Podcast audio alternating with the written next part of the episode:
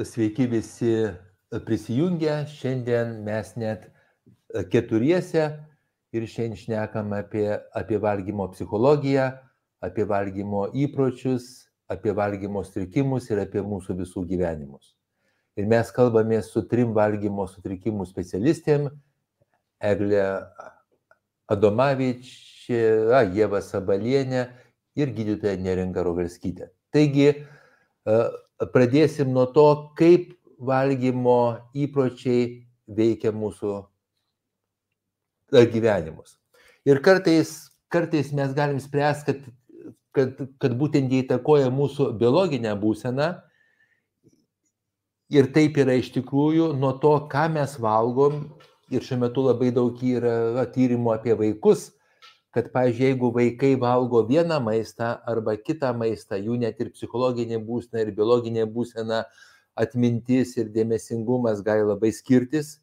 Jeigu vaikams trūksta kažkokių tai medžiagų arba kažkokių tai medžiagų yra per daug, bet tie mūsų biologiniai ypatumai, jie keičia mūsų psichologinę būseną, mūsų psichologinė būsena keičia mūsų valgymo įpročius valgymo įpročiai vėl keičia mūsų biologinę būseną, mūsų psichologinę būseną ir ratas užsisuka. Ir labai dažnai mes patenkam į tam tikrą valgymo ypatumų arba valgymo, galim sakyti, net ir sutrikimų lengvesnių ar, arba sunkesnių užburtą ratą. Ir prasideda iš tikrųjų viskas nuo valgymo įpročių. Tai, tai aš dar šiek tiek dar supažydinsiu dalyvius, kaip gali keistis mūsų biologinė būsena ir kaip gali keistis mūsų psichologinė būsena nuo šito. Tai kalbant apie biologinę būseną, be jokios abejonės valgymas turi įtakos mūsų širdies kraujagyslių būsenai. Valgymas turi įtakos mūsų virškinimo sistemai, be jokios abejonės. Valgymas turi įtakos mūsų inkstų sistemai. Mes kartais užmirštam tą, ir ypatingai moterim yra labai svarbu mergaitėm valgymo įpročiai ir tai, ką mes valgom, turi įtakos kaulų raumenų sistemai. Ir mes užmirštam tai, bet ypatingai mergaitėm vėl valgymo įpročiai turi įtakos endokriniai sistemai, lytiniam brandimui, lytiniai funkcijai, endokriniai funkcijai. Ir tai irgi labai svarbu.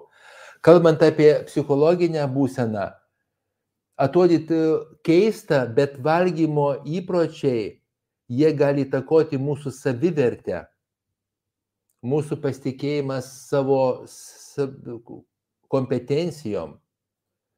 Jie gali įtakoti mūsų, mūsų depresijos simptomus.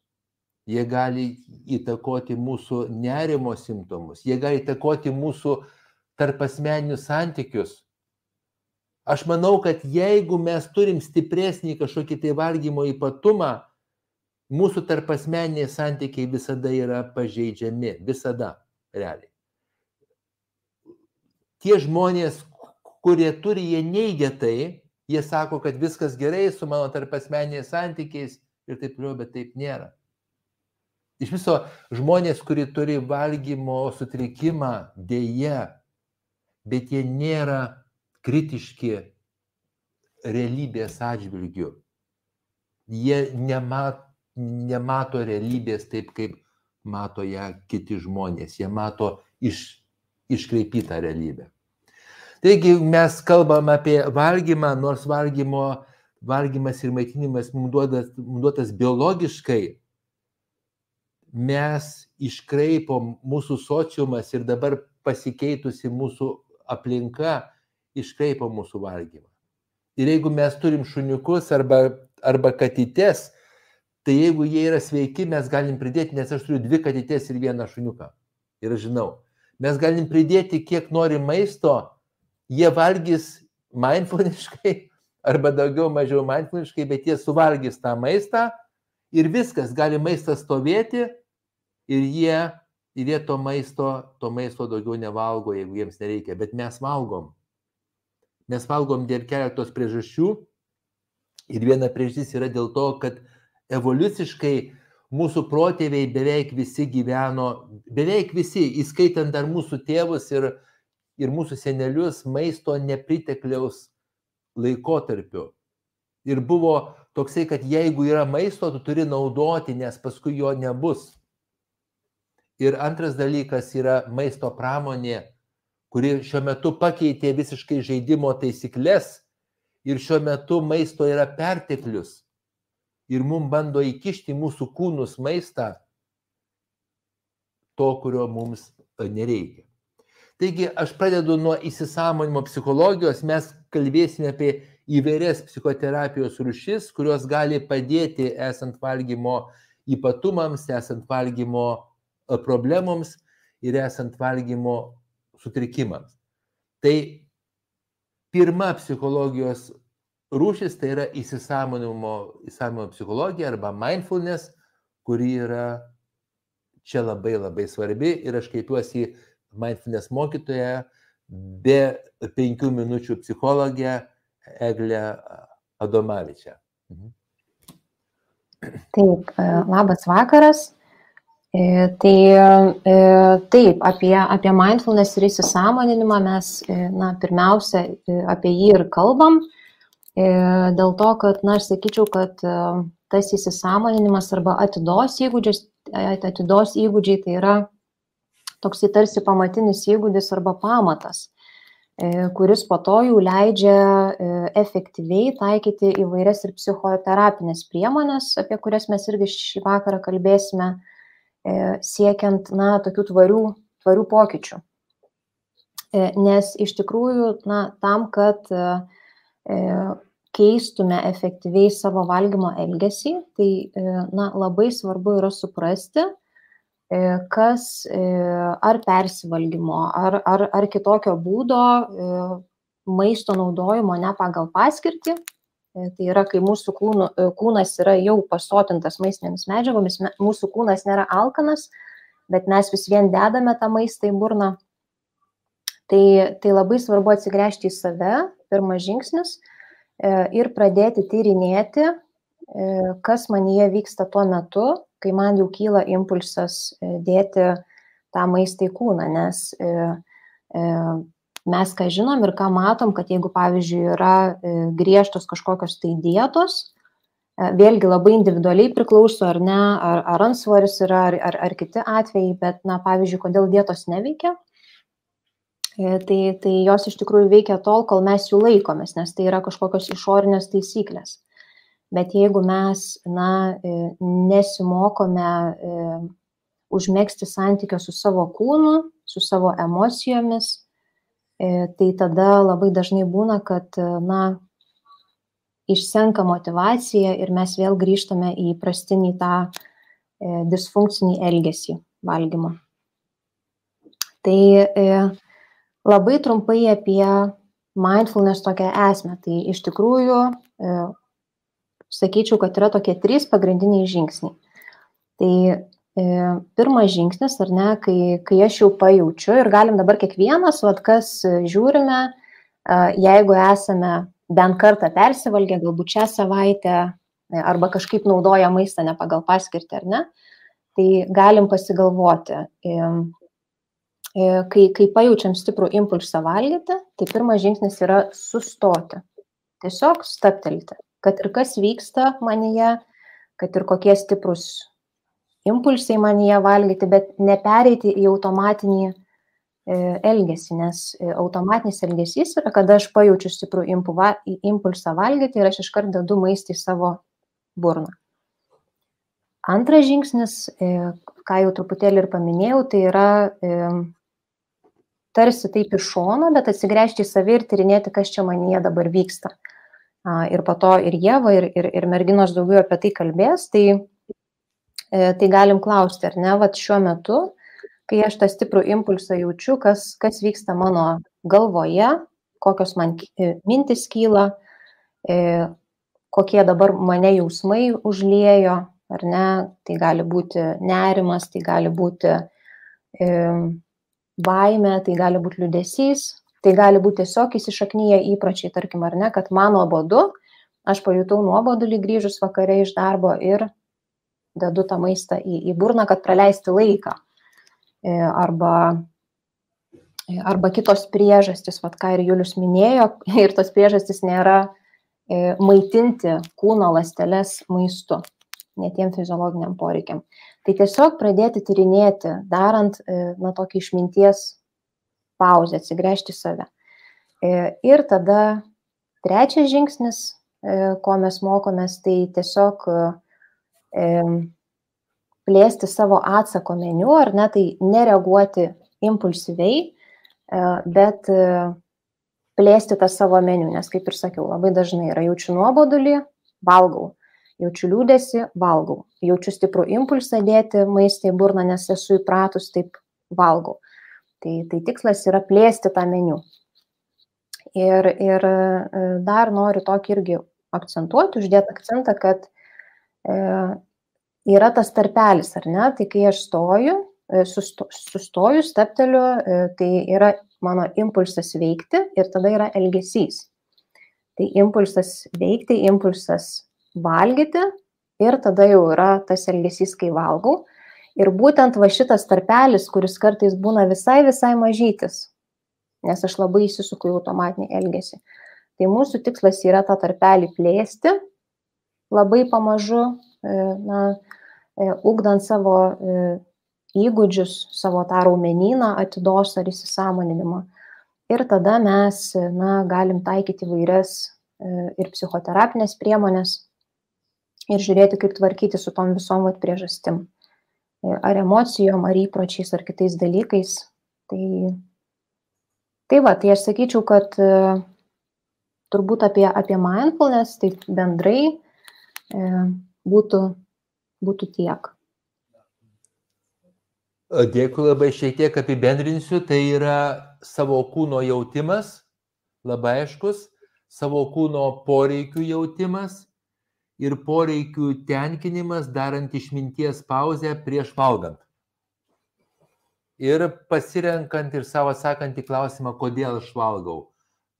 Ar dėl to, kad maisto galiojimas baigėsi, ar dėl to, kad kiti valgo, ar, Ar dėl to, kad aš turiu maistą, ar dėl to, kad jis man kvepia, ar dėl to, kad jis man gražus, ar dėl to, kad noriu ramintis, ar aš valgau dėl to, kad mano kūno poreikis yra valgyti. Ir kai mes apsprendžiam, kad mūsų kūno poreikis yra valgyti maistą, tada savęs klausiam, koks mūsų, koks mūsų kūno poreikis, kokį maistą valgyti, kiek jo valgyti ir kokiu būdu, ir kokiu būdu valgyti. Tai yra, tai yra mindfulness. Ačiū labai ir kai mes turim suvalgymo sutrikimais, mes tada labai naudojam taip vadinamos klasikinės kognityvinės elgesio terapijos metodikas ir ne tik suvalgymo sutrikimais, bet ir aplamai jos tinka net ir sveikiems žmonėms. Ir aš kreipiuosi į psichologę Jėvą Sabalienę, kad pasakyk Jėvą, kokios metodikos ir kaip taikoma, kai mes norim reguliuoti valgymo įpročius ir valgymo sutrikimus gydyti? Hmm. Tai gal apskritai pradėsiu nuo, e, nuo tos kognityvinės elgesio terapijos. Tai e, kaip daugelis ir žinom, tai kognityvinė elgesio terapija yra moksliniais tyrimais grista šio laikinė psichoterapijos sritis ir ji teigia, jog e, iš esmės tai mes reaguojam ne į, į kažkokius konkrečius gyvenimo įvykius ar situacijas, bet į savo mintis apie tuos įvykius. Ir kad taip pat mūsų mintis, emocijos, kūno pojūčiai, pojūčiai ir elgesys yra susiję ir veikia vienas kitą. Ir į tą patį įvykį keli skirtingi žmonės ir net tas pats žmogus skirtingų momentų gali reaguoti skirtingai. Ir dabar norėčiau irgi pateikti tokį pavyzdį iš tos valgymo srities. Tai pavyzdžiui, asmuo kenčiantis nuo priepolinio persivalgymo, e, pavyzdžiui, suvalgęs saldainį, gali pagalvoti, kad o ne ir vėl suvalgiau neleistino maisto, jį gali apimti nusivylimo savimi jausmas, e, kaltė, gėda ir visa tai e, gali paskatinti jį dar labiau e, prisivalgyti to ar, ar kažkokio kito maisto. Ir tuo tarpu tas pats žmogus, tačiau jau vaduodamasis iš šios problemos, gali suvalgyti tą patį saldainį ir pagalvoti, oho, aš suvalgiau tik vieną saldainį, o ne visą pakuotę. Ir, na, kaip suprantam, jo savijauta visiškai skirsis. Tai, tai tai ir rodo iš tikrųjų ta kognityvinė elgesio terapija, kad uh, kaip mūsų mintis gali veikti tiek mūsų emocijas, tiek elgesį. Ir iš tikrųjų tos mūsų mintis e, apie gyvenimo įvykius e, priklauso, na žinoma, tiek nuo mūsų fizinės sveikatos būklės, tiek nuo psichologinės būsenos, bet ką labai norėčiau pabrėžti, kad didžiaja dalimi tai priklauso nuo ankstesnės patirties. Ir iš tos ankstesnės mūsų patirties, vaikystės patirčių, mums svarbių žmonių, tėvų, kitų artimųjų, mokytojų ar kitų reikšmingų žmonių, mums formuojasi įsitikinimai ir, ir gyvenimo taisyklės, kurie savo ruoštų veikia mūsų elgesį ir mūsų gyvenimą. Ir tie įsitikinimai gali būti labai įvairūs tarkim, valgymo srityje, tai gali būti nuo to, nuo tokio įstikinimo, ką galima valgyti ir ko negalima valgyti, ką atsinešėm iš, iš savo šeimos, iš, aplinkų, iš aplinkos, iš, iš žiniasklaidos. Ir gali iki tokių įsitikinimų, kad, pavyzdžiui, mano giminėje visos moteris yra stambios ir aš visuomet tokia būsiu. Ir tada žmogus jaučiasi toks bejėgis, nes nu, jis turi tą įsitikinimą ir jis um, gauna tų patvirtinimų, nes tikrai žiūri giminėje ir teta, ir mama, ir, ir dar kažkas yra stambesnis. Ir iš, iš esmės tai tas e, emocinis valgymas šiuo metu yra labai plačiai vartojama savoka tačiau dažnai mes nepagristai praleidžiam tą faktą kad ne tik emocijos bet ir mūsų mintys sukelia tą norą valgyti o iš esmės mintys ir, ir emocijos sukelia. Tai um, kokie gali galvoje atsirasti stimulai, kurie skat, skatina mus valgyti, tai um, tas pats galvojimas apie maistą gali uh, skatinti norą valgyti. Prisiminimai kažkokie apie malones patirtis, valgant tam tikrą maistą ar paties maisto įsivaizdavimas, nes mūsų mintis būna ne tik tokių kaip minčių pavydalų, bet ir vaizdinių gali būti.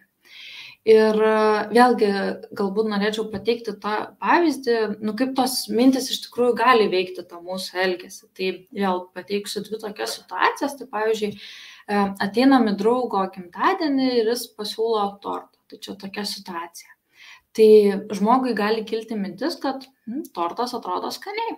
Ir mintise jis tarsi jau priema sprendimą, kad manau, kad valgysiu tą tortą. Ir veiksmas to žmogaus valgo jis tą tortą. Tai čia toks paprastas minčių vingis, taip sakant, kaip gali tas procesas vykti nuo, nuo tos situacijos iki jau veiksmo, kai valgo. Bet kartais, kartais nutinka ir taip, kad mumise tarsi užverda tokia kova mintise ir į tą patį įvykį galima galvoti ir vis, visiškai kitaip. Pavyzdžiui, kad žmogus gali galvoti, kad man negalima torto, bet tada jam kyla mintis, bet gal nuo vieno gabalėlio nieko neatsitiks. Tada pagalvoju, bet aš taip gražiai šią savaitę laikiausi savo mytybos plano. Ir tam žmogui gali kilti ir pyktis, Pavyzdžiui, kodėl kiti gali valgyti, o aš ne. Ir e, gali vis tik prieiti prie to sprendimo, kad, ai, šiandien ypatinga proga, suvalgysiu, o nuo rytojus vėl susimsiu ir kontroliuosiu tą savo mytybą. Tai tai gali žmogus apsispręsti valgyti, bet gali būti, kad žmogus nuspręs nevalgyti ir jeigu vis dar galvoje virsta kova minčių tarp palaikančių ir nepalaikančių, labai gali e, būti ir taip, kad žmogus grįžęs namo prisivalgys neplanuoto maisto. Ir šie iš tikrųjų pavyzdžiai parodo, kaip mm, kaip mūsų sabotuojančios mintis, tai kas tos sabotuojančios mintis, tai tos, kurios nuveda mus nuo, nuo kažkokio kelio ir trukdo siekti savo tikslų ir iš esmės gyventi pagal savo vertybės, tai tos mintis kovoja su mus palaikančiu mąstymu. Ir šis procesas žmogui tampa labai varginantis ir todėl žmonės dažniausiai pasiduoda tom sabotuojančiam mintim ir suvalgo kažką, ko norėjo, vien tam, kad numalšintų tą viduje kilusią įtampą. Ir įdomu yra tai, kad įtampas nuslūksta jau tada, kai žmogus apsisprendžia valgyti. Ir aš irgi kiekvieną iš jūsų kvieščiau mm, vis pastebėti tą momentą, kai jūs nusprendžiat kažką valgyti ir iki tol, kol maistas pakliūna į burną. Ir tiek, kiek apsisprendimas valgyti gali nuimti įtampą, taip pat ir apsisprendimas nevalgyti gali tą įtampą pašalinti. Ir, ir, ir toks teiginys žmonėm, kurie net, neturi to sutrikusio valgymo, būna, būna labai keistai skambantis, kad, nu tai ką reiškia nevalgyt, kai nenoriu, neva, kai nenoriu valgyti. Nu, jiem atrodo nesuvokiamas, bet iš tikrųjų žmonėm, kurie kenčia nuo tam tikrų valgymo ypatumų, yra labai, um, labai svarbu įsisamoninti, kad valgymo proces, procesas nevyksta be jūsų apsisprendimo. Ir prieš pirmajam kasniui patenkant jums į burną, būna mintis ar net visa eilė minčių privedusi prie šito veiksmo. Ir kaip Eglė sakė, labai svarbu pastebėti tą momentą. Ir geroji žinia yra ta, kad mes galim atsispirti toms sabotuojančioms mintims ir mes, ir, ir mes tikrai e, to galime išmokti. Ir nuo ko reikėtų pradėti tai daryti, tai e, iš, iš esmės nuo minčių stebėjimo, minčių atpažinimo ir ne tik minčių, bet ir savo emocijų, kūno pojūčių. Ir mm, būna dar taip, kad e, mes darom įvairių mąstymo klaidų susijusių su maistu ir tai yra na, visai irgi natūralu, nes mes per dieną m, turim virš 6 tūkstančių minčių ir tos mintis būna automatinės, nekontroliuojamos, nekontroliuojamos tiek, kaip minėjau, minčių, tiek vaizdinių pavydalų. Ir e, vėlgi pateiksiu keletą pavyzdžių, kokios tos mąstymo klaidos gali būti susijusios su valgymo ypatumais. Tai toks irgi visiems gerai žinomas viskas arba nieko, arba dar kitaip vadinamas juoda balta mąstymas, kad arba jau šimtų procentų laikausi savo kažkokio mytybos plano, arba visiškai nesilaikau. Gali būti negatyvus ateities spėjimas, mm, kad pavyzdžiui nepavyko atsilaikyti šį kartą prieš saldumynus, tai vadinasi niekada ir nepavyks ir net neverta čia stengtis, aš esu priklausomas nuo tam tikrų produktų. Gali būti ir per daug pozityvus ateities spėjimas, mm, kai žmogus galvoja, kad na viskas, šis, nežinau, traškučių pakelis paskutinis ir mes savo praktikoje tikrai e, matom nemažai žmonių, kurie, kurių tos taip vadinamos paskutinės vakarienės užsitęsia ir, ir savaitėm, ir, ir dar ilgiau. Tai irgi nu, nereikėtų kažkaip taip apibendrintai galvoti, kad drastiškai, kardinaliai, kad jau na, viskas čia yra nu, paskutinis. Ir dar gali būti minčių skaitimas, tai pavyzdžiui, žmogus gali galvoti, kad jei, pavyzdžiui, nepasivaišinsiu svečiuose kažko, ką ten man siūlo, tai kiti galvos, kad aš labai nemandagus. Tai, tai tokios ir, ir, ir kitos mąstymo klaidos gali e, pasitaikyti žmonėms. Ir apskritai e, kognityvinė elgesio terapija siekia mus iš disfunkcinio ciklo tokio, kuriame dominuoja negatyvios, e, savikritiškos, iškreiptos mintis, nemalonus jausmai ir mums nepadedantis elgesys, pavyzdžiui, vengimo ar pastavimo elgesys.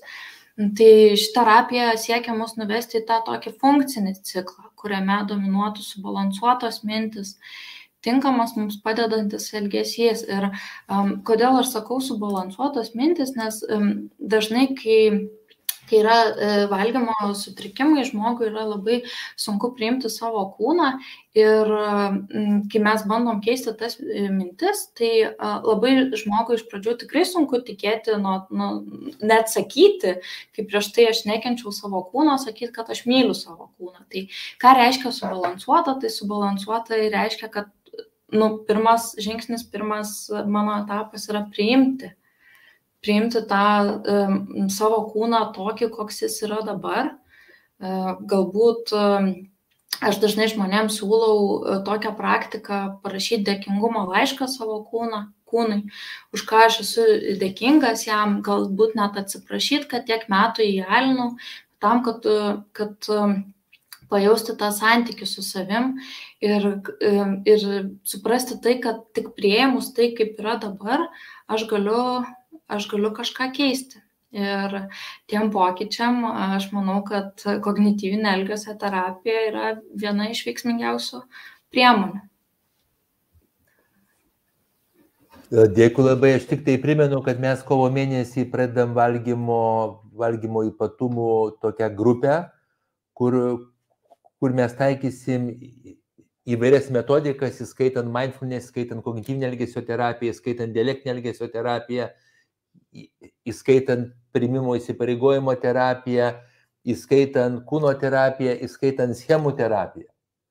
Ir, ir, ir būtent tie žmonės, kurie nori pertvarkyti savo kažkokius tai valgymo ypatumus ir nustoti kentėti dėl to ir nustoti kankinti savo kūnus ir nustoti kankinti savo nervų sistemą ir savo psichologiją, jie gali pasinaudoti šitą galimybę. Taigi aš dabar vėlgi bandau apibendrinti ir pirmas žingsnis yra, yra vis dėlto mindfulness, yra įsisamonimas, nes jeigu mes norim keisti mintis, tai mes turim jas suprasti, tas savo mintis. Mes turim, mes turim aiškiai žinoti, kokios pas mus yra mintis ir žinoti, kaip tos mintis įtakoja mūsų emocijas, kaip tos mintys įtakoja mūsų kūno pojūčius, valgyme tai labai svarbu, kūnas labai svarbu. Nes mūsų mintis tuoj sukelia mums kūno pojūčius, ar vienokius, ar kitokius. Ir kaip tos mintis ir emocijos ir kūno pojūčiai įtakoja mūsų elgesį. Mes turim labai gerai suprasti ir mes per praktikas, nes, nes būtent kietas arba kognityvinė elgesio terapija labai praktinis, praktinis dalykas, praktinė psichoterapija Ir būtent toj grupėje mes darysim daug praktinių darbų, kurie padės tam žmogui įgauti kompetencijas, valdyti savo mintis, savo emocijas, savo kūno pojūčius ir pats svarbiausia savo elgesį. Tai kai mes įsisamoninam viską, aš dabar pasakysiu jums su šypsena, bet Eglė labai šauniai pristatė mindfulness, jinai gali man pritarti, kad mindfulness dar tikslas yra nepatikėti savo mintim. Mantinės tikslas yra stebėti savo mintis, neleidžiant joms dominuoti ir įtakoti mūsų elgesį. Yra pradžiai tik tai stebėti savo mintis. Ir kartais leisti jom užeiti ir leisti jom praeiti ir suprasti, kad pas mus kyla įvairiausių minčių, įvairiausių prieštaringų, kontroversiškų, tų, kurios mums nepatinka ir tos, kurios patinka bet mes tarsi stebim, mintys yra debesys, aš esu dangus. Tai yra labai labai geras įgūdis, nes žmonės, kurie turi valgymo strikimus, jie patikė savo mintimis. Čia vienas iš svarbiausių jų ypatumų, kas juos, kas juos skatina sirgti. Taigi, mes stebim savo mintis, mes stebim, kaip tos mintis keičia viena kitą, mes stebim, kaip tos mintys įtakoja mūsų emocijas, kūno pojūčius, impulsus veikti, mes suprantam tą visą dėsningumą, mes įsamonėm savo mąstymo klaidas ir jas keičiam. Ir šitie įgūdžiai ne tik tai valgymo strikimams. Nes jeigu mes gydom valgymo ypatumą savo, naudodami mindfulness arba ketą, iš tikrųjų mes gydom visą asmenybę Nes jeigu mes išmokstam, mūsų smegenys ekstrapoliuoja mūsų patirtį, mūsų kompetencijas. Jeigu mes išmokstam tvarkyti su vienais iššūkiais, mėlyjei, mes išmokstam tvarkyti su kitais gyvenimo iššūkiais. Tie žmonės, kurie pasigydė nuo bet kokios lygo, ar nerimo strikimo, ar depresijos, ar valgymo strikimo, ar tvarkė savo valgymo ypatumus, tie žmonės tampa ženkliai stipresni visur kitur. O tie žmonės, kurie pasigydė savo priklausomybės, tie žmonės dvigubai, trigubai stipresni, jie yra praėję pragarą ir jie tikrai žino, kaip su juo tvarkytis, kaip, kaip jį pereiti. Tai tos mūsų kompetencijos išmoktos, išmoktos vienoje kryptyje, pavyzdžiui, tvarkantis savo valgymu, jos tampa labai labai svarbios kitose kryptise. Ir vienas iš metodų, kuris labai plačiai naudojamas ir valgymo sutrikimų atvejais, ir kartu dirbant su savo emocijom ir, ir jausmais yra taip vadinama dialektinė elgesio terapija. Ir aš kreipiuosi gydytą Neringą Rogalskytę, paaiškink mums taip aiškiai, aiškiai ir suprantamai, kas tai yra ta dialektinė elgesio terapija, kokia jos esmė yra. Mhm. Tai šiame žodėje dialektinė ir slypi šios terapijos pagrindas, galima taip sakyti. Tai dialektinė terapija reiškia, kad mes integruojame du priešingus polius vienu metu. Tai vienas toksai, va, kaip svarbiausių dialektiko šūkių arba mantrų, jeigu taip galima pasakyti, tai yra keisk tai, ką gali pakeisti, priimk ir susitaikyk su kuo, ne, su tuo, ko negali pakeisti ir atskirk du šios dalykus vieną nuo kito. Tai gaunasi, kad viename poliuje yra realybės prieimimas, kitame poliuje yra pokyčiai ir mes priemame juos abu kaip lygiaverčius. Ir, ir abiejų šių įgūdžių tiek prieimimo, tiek gebėjimo daryti pokyčius būtent ir mokoma dialektinės elgesio terapijos metu. Daugelis iš tikrųjų mūsų gyvenimo patirčių yra sudaryti iš priešingybių. Ir, ir dialektika teigia, kad pokyčiai jie, jie galimi tada, kada atsiranda tarsi tas dialogas tarp, tarp šitų priešingų polių. Ir jeigu, nu, na tai praktiškai galima pažiūrėti, kaip, kaip šitie poliai du sąveikauja, tai, pavyzdžiui, paprastas praktinis dialektikos supratimas gali būti, kai mes vietoje jungtuko bet pakeičiam jungtuką ir. Tai pavyzdžiui, aš persvalgiau, bet galiu savo atleisti. Tai pakeitus būtų, aš persivalgiau ir galiu savo atleisti. Arba aš priemu save, bet noriu keistis, pakeitus į ir būtų aš priemu save ir noriu keistis. Tai padarydami šį nedidelį pakeitimą mes leidžiam, mes leidžiam tiem priešingiem teiginiam būti labiau teisingiems vienu metu ir validizuojam juos kaip, kaip lygiaverčius. Tada, kai mes juos validizuojam ir atsiranda tas vadinamasis dialogas tarp skirtingų mūsų dalių ir, ir skirtingų mūsų patirčių vykstančių vienu metu. Mhm. O kalbant, e, į ką atkreipia e, dėmesį dialektinė elgesio terapija ir su kuo dirba ir, ir kaip gali padėti žmonėms su valgymo ypatumais, tai visų pirma, e, dialektinė elgesio terapija pradžioje buvo sukurta siekiant padėti labai suicidiškiem klientam, kuriem diagnozuotas ribinis asmenybės sutrikimas. Ir kadangi ši terapija tapo labai efektyvi, jinai pradėta taikyti ir kitų sunkumų turintiems žmonėms. Ir laikui bėgant atlikta daug tyrimų, kuriais įrodyta, kad gydimas taikant dialektinę elgesio terapiją yra efektyvus tiek žmonėms su alkoholio vartojimo problemom, kitų priklausomybių turintiems žmonėms, valgymo sutrikimų, o ypač iš valgymo sutrikimų, tai esant nerviniai bulimijai, ir emociniam impulsyviam valgymui. Ir mano manimu, dialektinė elgesio terapija ir, ir jos metodikos yra vienos svarbiausių tvarkantis su impulsyviu valgymu, nes, nes jinai apima tuos kertinius dalykus arba didžiasias spragas, dėl kurių mes ir įninkame į valgymo problemas. Ir, ir įninkame į tą destruktyvų elgesį ir, ir santykių su, su savo kūnu ir maitinimusi. Mūsų disfunkcinis elgesys, nesvarbu kokioje jisai būtų sferoje, ar, ar maitinimuose, ar kažkokioje kitoj, dažniausiai atsiranda dėl to, kad mes neturim reikiamų įgūdžių tvarkyti su iššūkiais. Ir čia labai svarbu žodis įgūdžių, kurie ateina per praktiką. Dėl to dialektinė elgesio terapija ir yra tokia efektyvi, nes paremta būtent įgūdžių lavinimu ir jų stiprinimu bent jau aš e, savo praktikoje tikrai pastebiu, kad žmonės su valgymo ypatumais, su valgymo sutrikimais labai daug turi teorinių žinių.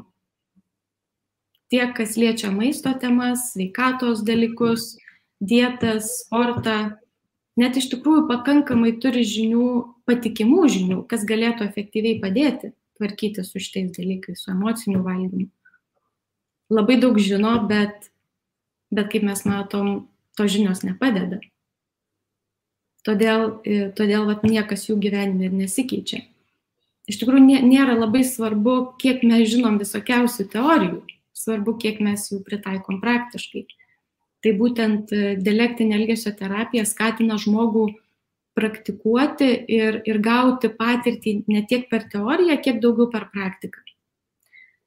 O tie, o tie kertiniai dalykai ir tos spragos, e, tie kertiniai dalykai, įgūdžiai, e, kurių žmonėms įprastai trūksta tvarkantis su impulsyviu valgymu, tai visų pirma yra e, dėmesingumo įgūdžiai, apie kuriuos jau kalbėjo Eglė. Tai, tai klientai mokomi apskritai, kas yra dėmesingumas, kodėl jisai svarbus, kaip jį praktikuoti ir kaip pritaikyti kasdieninėse situacijose. Kad, kad galėtume kažką pradėti keisti, labai labai svarbu pradžiai įsisamoninti, ką mes norim keisti ir kas su mumis vyksta. Tai yra, kada, kodėl ir kaip įsitraukiam į elgesį, kuris na, tikrai atneša mums visiškai nepageidaujamas pasiekmes. Ir kodėl jį vis tiek kartojam. Tai, tai yra labai, turime aiškiai įsisamoninti, ką norime keisti ir kiek realiai esame pajėgus kažką keisti. Tai įsisamonimas dialektiko yra tarsi, tarsi taikinio pažinimas, taikinio išsigryninimas ir mes mokomės pažinti tą taikinį, kurį norime keisti. Kita e, labai labai svarbis rytis, su kuria dirba dialektinė elgesio terapija, yra Mm, distreso valdymo ir diskomforto toleravimo įgūdžiai. Ir jie yra be galo svarbus, e, tvarkantis su valgymo sutrikimais, su emociniu valgymu, nes distreso ir diskomforto šiems žmonėm na, tikrai, tikrai netrūksta. Ir, ir ne tik, kad netrūksta, bet šiems žmonėm labai dažnai pasireiškia toks e, fenomenas, kai situacija ir taip jau yra sunki, bet dar jie gerokai pasisunkinama. Tai geriausias to pavyzdys būtų, kai žmogus, pavyzdžiui, persivalgo arba pavalgo ne pagal savo taisyklės, ne tam tikrų būdų, kaip yra susiplanavęs, tai tada tarsi įsijungia kitas režimas ir, ir sakyčiau, savidestrukcijos režimas, e, kuomet, taip liaudiškai kalbant, visiškai pasileidžiama ir persivalgoma jau iki, iki negalėjimo paeiti, pavyzdžiui, arba susilenkti.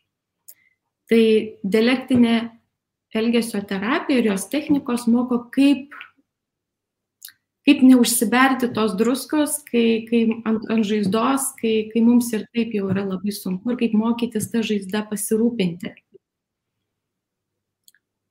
Kitas dalykas, kai, kai žmogus, kuris yra tikrai įpratęs save raminti, dažnai emociškai, pavyzdžiui, persivalgydamas, ir kuris atsisako jam labai įprasto ir, sakykime, trumpalaikę prasme tikrai veiksmingo emocijų valdymo būdo, tai jo įtampa pradžiai gali sustiprėti.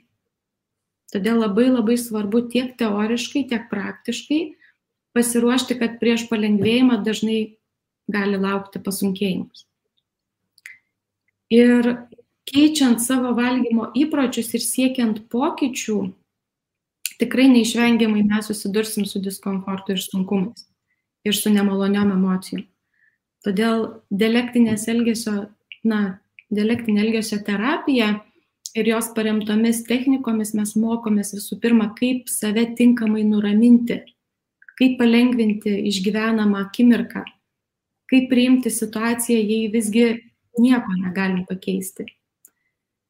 Ir, ir tam pasitelkiamos įvairios technikos, tai pavyzdžiui, atsipalaidavimo technikos ir praktikos, vizualizacijos, kvepavimo pratimai, mokymasis gyventi dabartyje ir, ir panašiai. Ir, ir man atrodo, kad vienas svarbiausių dialektinės elgesio terapijos kaip lavinamas įgūdis, kuris moko toleruoti diskomfortą, tai yra radikalus prieimimas kad ir ką žmogus jaustų, kad ir kokia būtų jo situacija ar realybė, pirmiausia, jisai turi ją priimti. Tai yra labai aiškiai konstatuoti faktą, kad šiuo metu yra taip, kaip yra.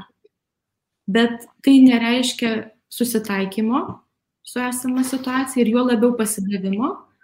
Tačiau kol mes nepriimsime ir, ir nepripažinsime to, ką patiriame, na, mažai ką galėsime keisti. Ir nustoję priešintis mes tarsi gaunam laisvę rinktis iš daugiau variantų, tų, kurie galbūt atneš norimas pasiekmes. E, tai tikrai nėra lengva, ypač jeigu destruktyvus būdus mes naudojame gana ilgą laiką, bet, bet su praktika viskas įmanoma. E, dar vienas labai svarbus įgūdis, kurio moko dialektinė elgesio terapija, yra gebėjimas reguliuoti savo emocijas. Bet tam, kad mes jas reguliuotume, pradžiai reikia mokėti jas atpažinti. Ir impulsyvus valgymas e, labai dažnai e, ir efektyviai padeda išlieti tas emocijas ir taip sumažinti emocinę įtampą. Bet dėl to įvyksta tarsi toksai neigiamas pastiprinimas, nes mūsų valgymo įprotis suveikia, tai yra sušvelnina arba panaikina nemalonės emocijas, bent jau laikinai, Ir tai skatina mus kartoti elgesį ir, ir galbūt ateityje įsitraukti lygiai tokį patį elgesį. Taip ir susiformuoja mūsų disfunkciniai valgymo įpročiai. Ir nemažai tikrai žmonių, ypač tų, kuriuos emocijos užvaldo labai stipriai, patiria sunkumų apskritai atskirti vieną emociją nuo kitos. O tai yra na, pirmas žingsnis ir būtinas žingsnis į jų valdymą.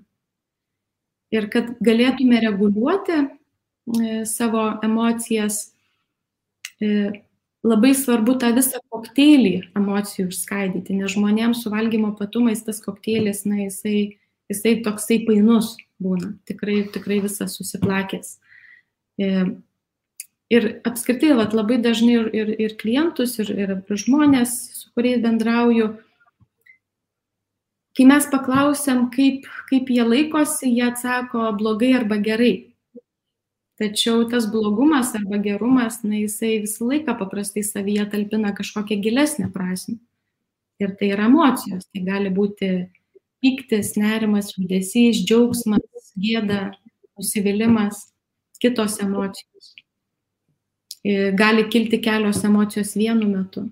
Tai dialektinė elgesio terapija labai daug dirba su žmogaus emocijom ir jų atpažinimu, ir jų validizavimu, ir galiausiai reguliavimu. O tai yra na, pagrindas tvarkantis su, su valgymo įpročiais ir impulsyvių valgymu. Ir šitoj vietoj, man atrodo, labai svarbu išmokti stoti į akistatą su savo emocijom, užuot jų vengus. Nes emocinis valgymas, jeigu tai pažiūrėtume, tai tai būtent ir yra emocijų jautimo vengimas. Ir šis vengimas, jisai trumpam apsaugo mus nuo ne, nemalonių išgyvenimų, tačiau ilgainiui, na, pridaro daug žalos. Tai mažina ir savivertę, ir verčia žmogų jaustis nevykėliu, silpnavaliu, apsileidėliu. Žinoma, silpnina ir fizinę sveikatą ir, ir panašiai. Tai gebėjimas pažvelgti į akis toms neigiamoms emocijoms nemalonioms emocijoms. Ir gauti patirtį, kad, kad jausti jas yra visiškai saugu, tai yra na, būtina sąlyga tvarkantis su emociniu valgymu. To ir moko dialektinė elgesio terapija. Tai e, su dialektinės elgesio terapijos metodikomis mes sus, e, tarsi susidarom tokį e, asmeniškai priimtą įvairiausių technikų ir priemonių arsenalą, Ir, ir tomis priemonėmis pasinaudodami mes mokomės treniruoti gebėjimą reguliuoti savo e, jausmus e, tiesiog kitais konstruktyvesniais būdais, kad, e, na, kad jie mums padėtų, o ne, o ne kenktų. O tas priemonių arsenalas jisai labai įvairus. Nuo jau minėtų mano mindfulness technikų ir, ir eglės iki tokių kaip pavyzdžiui pritupimai, šalto vandens praktikos, kvepavimo įvairios technikos, e, sensorinių pojūčių aktyvavimo pratimai ir, ir taip toliau. Ir kaip, e, kaip minėjau, dažnai žmonėms su destruktyviais valgymo įpročiais, na, tų žinių netrūksta, o, o požiūrio keitimas irgi kartais mažai ką duoda. E, trūksta būtent įgūdžių, kurie leistų mums priimti ir gyvendinti išmintingus e, kasdieninius sprendimus. Ir, ir čia kaip, nu, kaip su vairavimu mums ne, ne pozityvus e, požiūris padėjo išlaikyti vairavimo teisės, bet būtent išlavinti vairavimo įgūdžiai. Tai paprastai klientai labai mėgsta šios terapijos skripties e, užduotėlės, jeigu taip galima pavadinti, ir, ir pratimus, o mėgsta dėl to, kad jos nėra sunkios praktikuoti, yra gana trumpos, orientuotos į dabartį E, įdomios, jeigu taip galima pasakyti, bet svarbiausia, aišku, veiksmingos. Ir, ir ko, ko dar nepaminėjau, bet, bet tu jau paminėjai, tai dialektiniai elgesio terapijoje daug dirbama su tarpasmeninių santykių ir bendravimo įgūdžių lavinimu. Ir mokoma bendravimo strategijų, kaip pavyzdžiui, kaip brėžti ribas, kaip pasakyti ne, E, kaip bendrauti su savo svarbiais žmonėmis, kaip išsakyti savo nuomonę e, įvairiausių situacijų metu. Ir žinoma, mokomės ne tik, ne tik stiprinti jau esamus santykius, bet ir, bet ir kurti naujus. Tai, tai su tokiais pagrindiniais komponentais ir dirba dialektinė elgesio terapija. Dėkui gavom, gavom labai daug informacijos apie dialektinę elgesio terapiją, bet vis tiek aš dar noriu keletą akcentų, akcentų pridėti. Mes labai dažnai kalbam, kad mes mokysim, kaip pasakyti ne.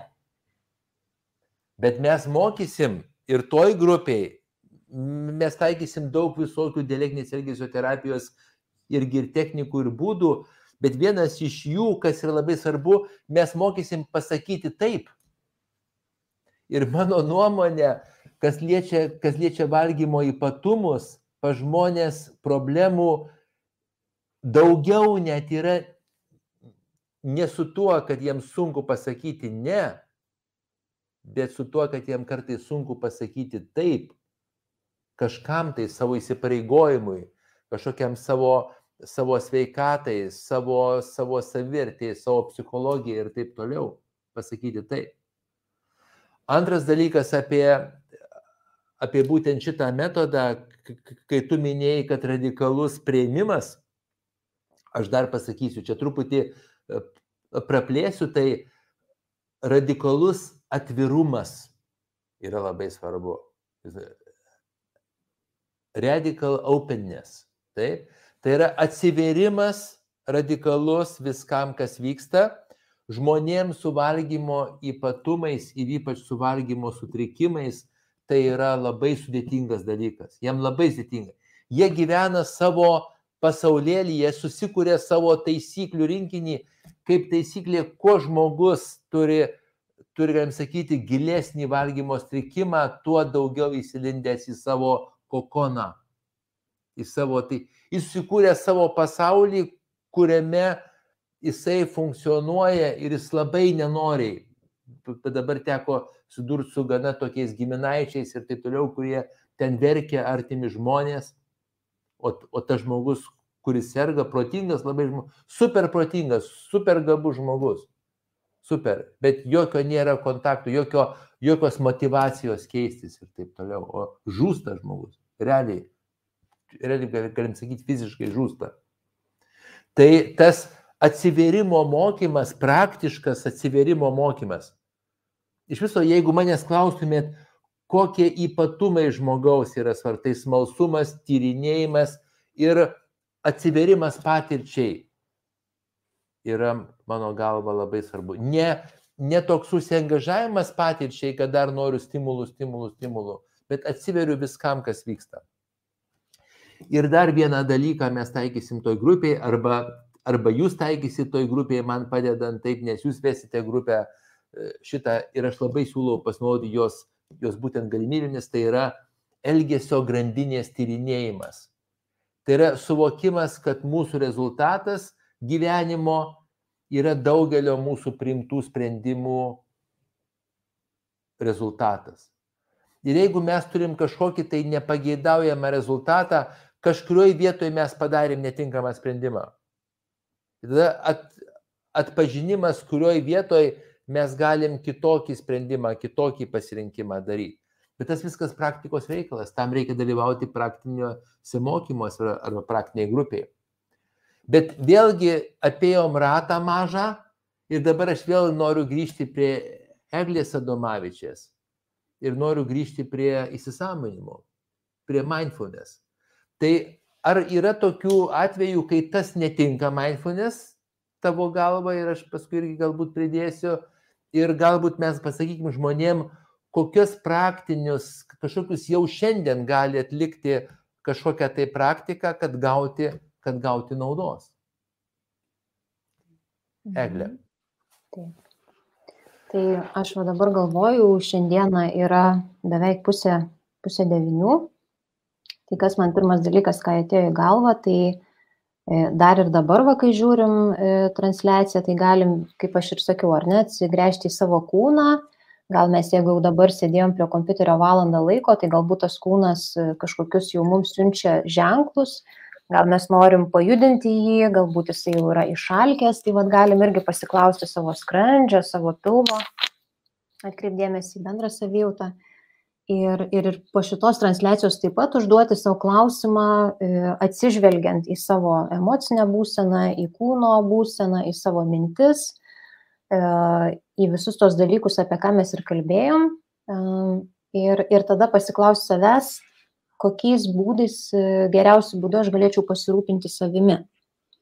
Ir gali būti, kad galbūt kūnas paprašys, kad na, mes jį pamaitintume maistingų maistų. Ir, ir kalbant apie įsisamoninimą, tai na, galim prisiminti, kad galim tas savo sensorinės dovanas naudoti, valgant ar ne, tai, tai pasitelkti ir, ir regą, ir, ir, ir užuosti, ir skonius jausti. Ir vėlgi visą laiką, na, akcentuojame, kad e, ne, nėra būtina ar ne, nereikia to daryti labai perfekcionistiškai, tai vad ką Jėva sakė apie mąstymo klaidas, kad viskas arba nieko, e, bet, bet galim tiesiog maitinant tą kūną, įsisamoninti per sensorinius pojūčius pirmosius, pavyzdžiui, kasnius, jau šį vakarą, jeigu apsispręsite, kad norite pamaitinti kūną. Na ir tada e, e, pasižiūrėti, kokie mūsų proto poreikiai, ar ne, kokie mūsų emociniai poreikiai. E, ar mes norim galbūt pažaisti, ar mes norim kažkokio tai nusiraminimo, ar galbūt mes jaučiam liūdėsi ir kaip tada galime save, na, E, paguosti, sušildyti kitais būdais negu maistu, nes gal, galbūt vat, esame, turime įprotį e, tuos savo poreikius tenkinti tuo dis, disfunkciniu valgymo elgesiu. Tai šiuo metu tiek ateina man minčių į galvą, vat, būtent e, galvojant apie dabar ir, ir ypatingai apie šį vakarą, ką jūs galite panaudoti. Mhm. Labai labai siūlau daryti dvi praktikas, prie to va, dar truputį tokie akcentai du. Tai vienas yra staptelėjimo praktika ir galim sakyti išminties pauzės, tai prieš darant visus sprendimus, kurie gali įtakoti mūsų gyvenimą, įskaitant valgymą, akimirkai staptelti ir pagalvoti, kokio aš pasiekmių noriu ir kokių ne tik artimų pasiekmių, nes mūsų protas yra trumparegiškas, mėlyjeji. Žmonių protas yra trumparegiškas, mums reiktų akinių nuo trumparegystės, proto trumparegystės. Reikia, yra lyga proto trumparegystė, kuri būdinga mums visiems. Mes orientuojamės į trumpalaikės pasiekmes, o reikėtų mums orientuotis ilgalaikės, Ir kas liečia valgymą, čia daug, daug metaforų galim, nes mūsų gyvenimas yra, yra nesprintas, mūsų gyvenimas yra ilgos distancijos. Bet mes kartais per savo gyvenimą šoliuojam, lyg tai bėgtumėm sprintą. Ir čia yra problema mūsų. Tai aš siūlau tą staptelimą per dieną 10 kartų staptelkim, akimirkai 10 sekundžių, 15 sekundžių ir pagalvokit, kokios mano mintis, kokios mano emocijos, kokie mano kūno pojūčiai, kokie mano impulsai veikti ir dabar išgirskim, kokie mano pasirinkimai šiuo momentu. Kai mums sunku, staptelkim ir pasakykim, man sunku ir aš noriu būti savo geras arba gera šią sunkę akimirką. Staptelėje. Tai būtent vienas dalykas. O antras dalykas, aš vis dėlto labai siūlau užduoti tuos klausimus apie maistą. Tas pirmas, kasnis dėmesingai ir sąmoningai, ką aš noriu naudoti, ką noriu dėti savo kūną, kokiu būdu, kokiu tempu, kokiu kiekiu, kokią formą. Nes tai tampa mūsų kūnu, mėlyjei, valgymas tampa mūsų kūnu. Tai mindfulness aš labai esu už. Kam netinka mindfulness arba kam tai nėra pirmo pasirinkimo dalykas, tai sergantiems sunkiomis anoreksijomis. Tai nėra pirmo pasirinkimo, nes pas tą žmogų taip yra viskas iškreipyta ten, kad jisai tiesiog techniškai negali jos smegenys suvokti šito dalyko. Tai jam reikia kaip tik priešingai, tiem žmonėm reikia įsipareigojimo, jeigu nori gyventi ir išlaikyti savo fizinę būsnę, psichologinę būsnę, įsipareigojimo valgyti nesivadovaujant savo pojūčiais ir savo viskuo, nes tai yra sutrikę, įsiderinę, o vadovautis tam tikra tvarka ir taisyklėmis. Bet tik tai šitam, tik tai anoreksijai. Visiems kitiem labai tinka. Dėkui labai Egliai, tu daug esi net įrašų padariusi žmogaus institutė, iš tikrųjų, kas, kas nori, gali pažiūrėti ir Eglė bus, bus irgi vienas iš, iš labai gražių smūkų, labai gražių melodijų toj, toj būtent psichoterapiniai grupiai grosi. Ir dabar aš kreipiuosi į Jėvą Sabalienę, ką Jėva, ką Jėva rekomenduotum žmonėm kažkokio tai praktinio, kad šiandien galėtų jie, jie panaudoti, rytoj. Mhm. Tai man ir, toks, aha, man toks tesnys apie, kaip Eglė gražiai pasakė, jeigu pasirinksit dar nu, kūną pamaitinti, tai Aš tada labai norėčiau, kad paklaustumėt savęs, um, kokia yra mano valgymo priežastis, kad, kodėl aš valgau.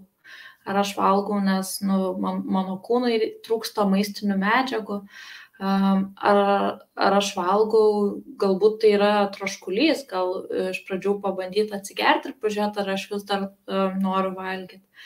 Ar aš valgysiu, nes aš šaunuolis ar šaunuolė pažiūrėjau šią transliaciją ar aš valgysiu, nes e, tai yra įprotis e, vakare prieš miegą valgyti. Ar aš valgysiu, kaip Julius sakė, nes baigęs galiojimo laikas, ar reikia išmesti, ar panašiai. Tai e, labai linkiu šitą daryti prieš kiekvieną valgymą ir net nebūtinai prieš valgymą, bet kai man kyla impulsas valgyti, Tai čia yra irgi vienas iš būdų lavinti tą dėmesingumą ir samoningumą.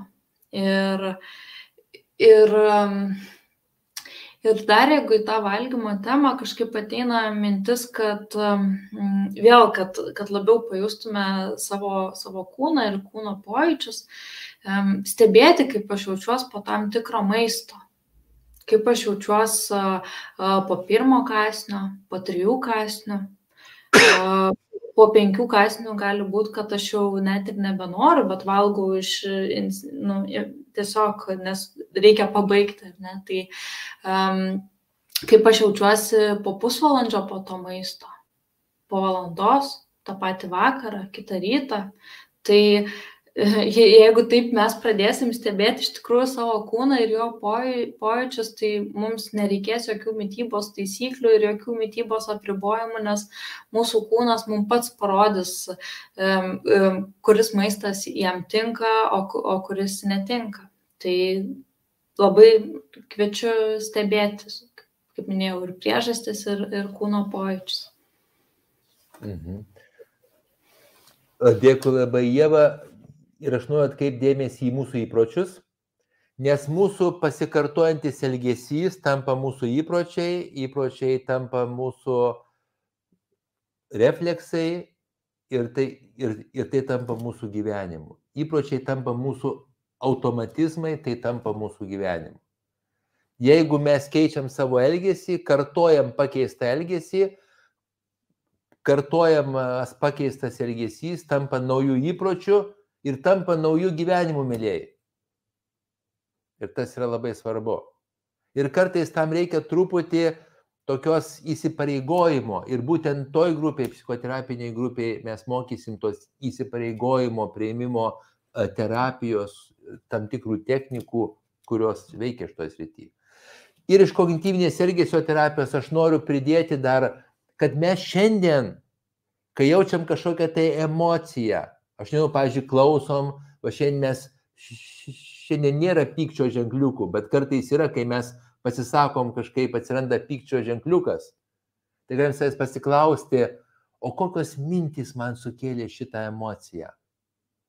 Aš siūlau emociją savo visada atrasti, kokios mintys mums sukelia.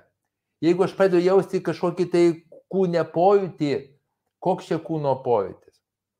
Ir, ir kokios mintys ir emocijos mums sukelia šitą kūno pojūtį. Ir pats svarbiausia suprasti vis, ir savęs klausti nuolat, kaip mūsų mintys ir emocijos įtakoja mūsų elgesį. Tai irgi būtent kognityvinė elgesio terapija. Ir atpažinti mąstymo klaidas, aišku, ir jas keisti. Ir tada aš kreipiuosi į neringą rogalskytę, irgi su tuo pačiu klausimu, ką galim mes praktiškai pasiūlyti šiandien žmonėms, kurie mūsų klauso arba rytoj. Mhm. Tai manau, pratesiant, tai įsisamoninus ir padarius tą išminties pauzę, mes, na, aš tikrai kvieščiau pabandyti pasirinkti kitą variantą, kažkokį tai kitą variantą, negu mes esame įpratę, pavyzdžiui, kiekvieną vakarą. Ir tai gali būti kažkoks labai nedidelis pakeitimas. Gal vietoj, vietoj nežinau, e, žiūrėjimo e, YouTube ir kažko užkandžiavimo nesąmoningai išeisiu 10 minučių prasėti į lauką arba paskaityti knygą. Ir pažiūrėti, kaip, kaip tas e, kitas pasirinkimas, kokias pasiekmes atneš. Tiek ilgalaikiai, tiek, tiek trumpalaikiai perspektyvai. Ir tikrai, vat, na, prieš kažką darant, irgi, man atrodo, labai labai svarbu savęs paklausti, ar dabar vat, mano šitas pasirinkimas ir mano šitas elgesys, ar jisai patenkina mano poreikius. Tai, man atrodo, poreikiai irgi yra labai svarbu įsisamoninti, nes mes E, na, labai dažnai tuo maistu tenkinam kažkokius savo poreikius. Tai pradžiai stengiamės įsisamoninti, kokie tie poreikiai ir juos tenkinti kitais būdais. Ir kažkur, nu, žodžiu, mano, mano pasiūlymas šiandien kažkokį nedidelį kitą pasirinkimą. Dėkui labai neringa ir dar aš noriu pridėti, kad bus daug dėmesio skiriama ir kai mes gydom valgymo sutrikimus ir ir dirbam su valgymo ypatumais, mes daug dėmesio skiriam schemų terapijos metodikom.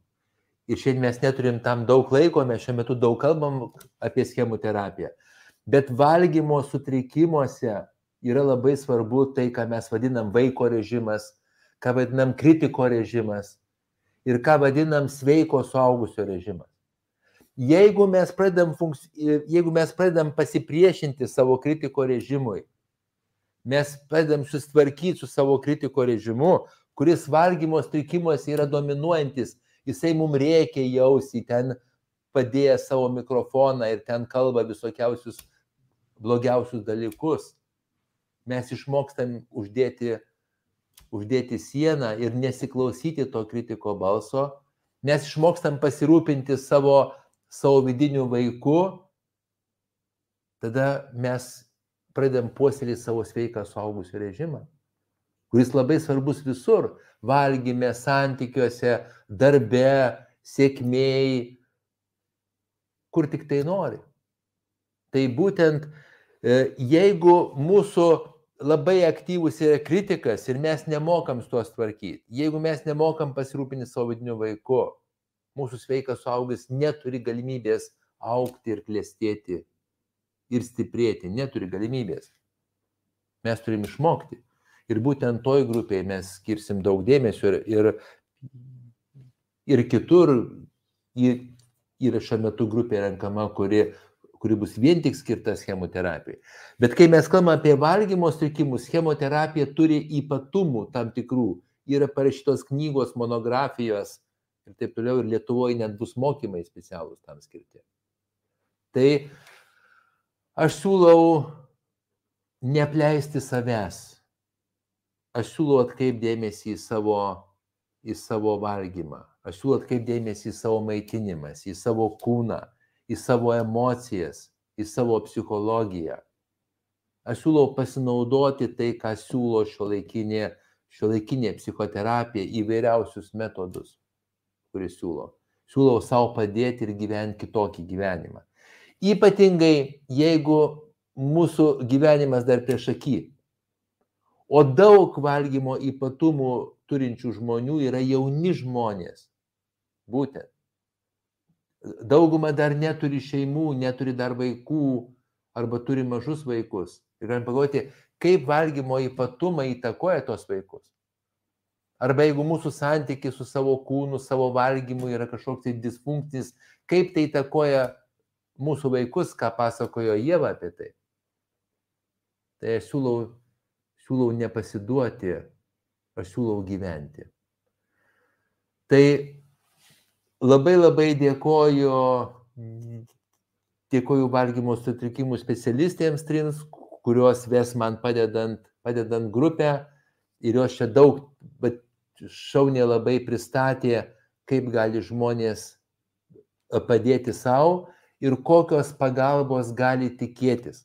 Aš tik tai primenu vieną dalyką, kad valgymo sutrikimai ir ypatumai negazdino, tik tai konstatuoju faktą, kad yra viena iš sunkiausiai gydomų patologijų.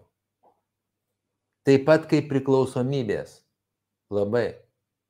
Bet, arba kaip, kaip Neringa sakė, ir mes galim dėti pastangas ir mes pasieksim rezultatą. Iš viso, jeigu žmogus deda pastangas, deda ir deda, jis pasieks rezultatą.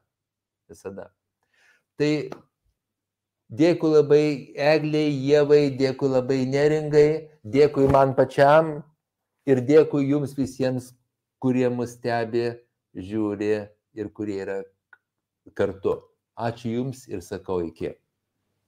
Ačiū, iki. Iki.